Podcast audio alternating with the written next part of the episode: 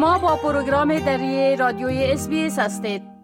حال با جاوید روستاپور خبرنگار برنامه دری برای جنوب آسیا. به تماس هستیم که اونا درباره تازه ترین رویدادها در ارتباط به افغانستان معلومات میتن آقای روستاپور سلام عرض می‌کنم. خب گفتم میشه که سرپرست وزارت تحصیلات عالی طالبا تحصیل زنان فرهنگ غربی خوانده و او را نوی از فهاشی حتی دانسته بله؟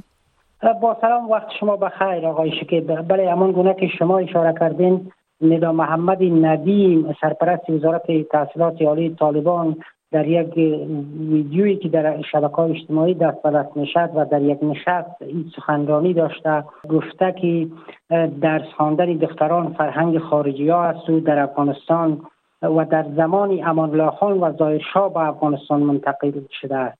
او همچنان گفته که آنچه که امان الله کرد پیش غربی ها رفت و این فرمول را آورد که چرا زنان بر خانه نشستند و مکتب نمی روند همین گونه نسخه عیاشی را آورد و خواست به, افغانستان این را عملی کند. سرپرست وزارت تحصیلات طالبان در بخش دیگری از این ویدیو گفته که آن زمان تعدادی از افراد در مخالفت با این تصمیم نزد ظاهرشاه رفتند. یعنی دوره بعدی رفتند و گفتند که دختران نباید درس بخوانند و به مکتب بروند. اما گفته که ظاهرشاه افراد که شامل علمای دینی و بزرگان قوم بودند یار از زندانی کرد و در زندان پل چرخی انداخت.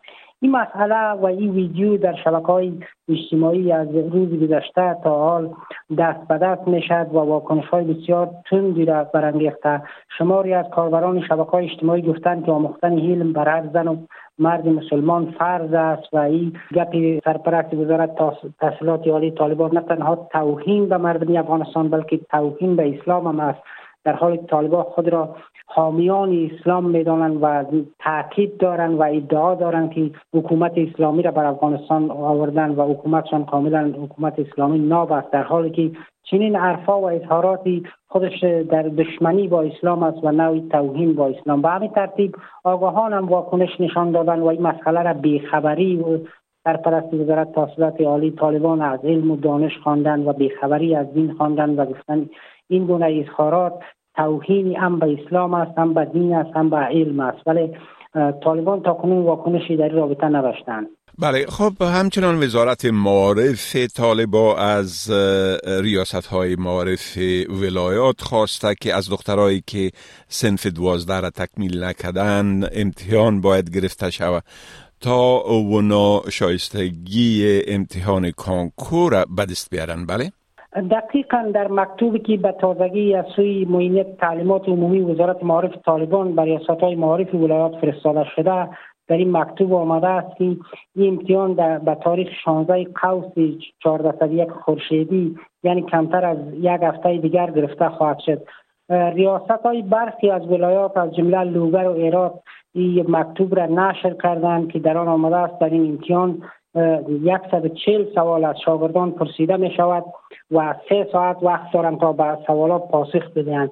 شماری از شاگردان مکتب که صنف یازده بودن یعنی دوازده هم نشده بودن یا چون سال گذشته طالبان در نیمه سال تعلیمی بود که افغانستان را تصرف کردند. به این دلیل اینا نگرانی دارند که گفتن ما چیزی نیاموختیم که حالا امتحان بدیم و حالا وقتی که درس نخوانده باشیم چی را امتحان بدیم؟ آگاهان فرهنگی هم این تصمیم طالبان را زیر سوال بردن و گفتن که به این باور هستند که تا زمانی که کسی درس نخواند نمی‌تواند امتحان بتهد و کانکور در این رابطه نتیجه خوبی هم نخواهد داشت به شاگردان پس این تصمیم طالبان نمی‌تواند پلان استراتژیک باشد. برخی دیگه هم گفتند که به این باور هستند که طالبان با این برنامه تلاش می‌کنند که نشان دهند آنها مخالف تعلیم و تحصیل دختران نیستند. در حالی که خودی همین برنامهشان عکسی برعکسی آنچه که طالبان ادعا دارند نشان میده و این نشان به این معناست که طالبان می‌خوان دنیا را فریب بتن که ما مخالف تعلیم و تحصیل دختران نیستیم در حالی که اونا به صنف نرفتن درس نخواندن و از امتحان می‌گیرن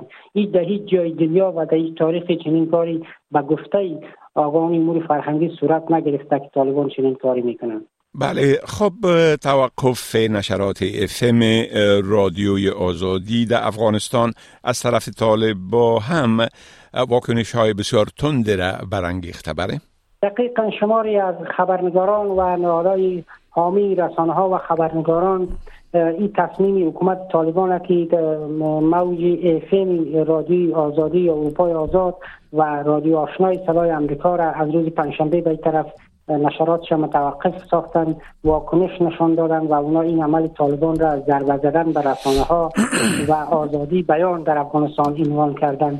از جمله دفتر نه یا حمایت رسانه های آزاد افغانستان هم با نشر اعلامی گفته که این کار آزادی بیان را در افغانستان معدود می سازد چون نه در افغانستان فعالیت دارد. از طالبا خواسته که از تصمیم خود منصرف شوند. واکنش ها به توقف نشرات اید رسانه بین در بیرون از افغانستان همچنان بسیار جدی بوده. انجمن ژورنالیستان افغانستان که فعلا در بیرون از افغانستان فعالیت می‌کنه ای هم با نشر اعلامیه گفته که کار طالبان خود نشان میده که طالبان مخالف آزادی بیان هستند. ولی زبی الله مجاهد در تویترش نوشته که قراردادی رادیو آزادی و صدای امریکا که با تلویزیون ملی افغانستان بود با وزارت اطلاعات فرهنگ بود تکمیل شده و امارت اسلامی به گفته آقای مجاهد نمی‌خواهد دوباره با این رسانه ها قرارداد کنه به همین دلیل نشراتش متوقف ساخته. اما وزارت اطلاعات فرهنگ طالبان برعکس گفته که این رسانه ها نشراتشان مطابق با اصول بین با اصول ژورنالیسم نبود به طرف نبود و یا پروپاگاند می‌کردن علیه حکومت طالبان و به همین دلیل نشرات این رسانه را طالبان متوقف ساختن و نمی‌خواهند که دیگه با ایفم که از طریق افغانستان نشرات می‌کنه نشرات داشته باشد. صدای امریکا و رادیو آزادی هم جداگانه هر کدام اعلامیه نشر کردن و اونا گفتن که از طریق موجهای کوتاه و موج ایهم نشرات خود را قوی می‌سازند تا اطلاعات و خبرها را به مردم افغانستان برسانند. بله خب آقای روستاپور از این معلوماتتان بسیار تشکر و فعلا شما را به خدا می سپارم و روز خوش برتان آرزو می کنم وقت شما هم خوش خدا حافظ ناصرتان. بپسندید شریک سازید و نظر دهید. اسپیس دری را در فیسبوک تعقیب کنید.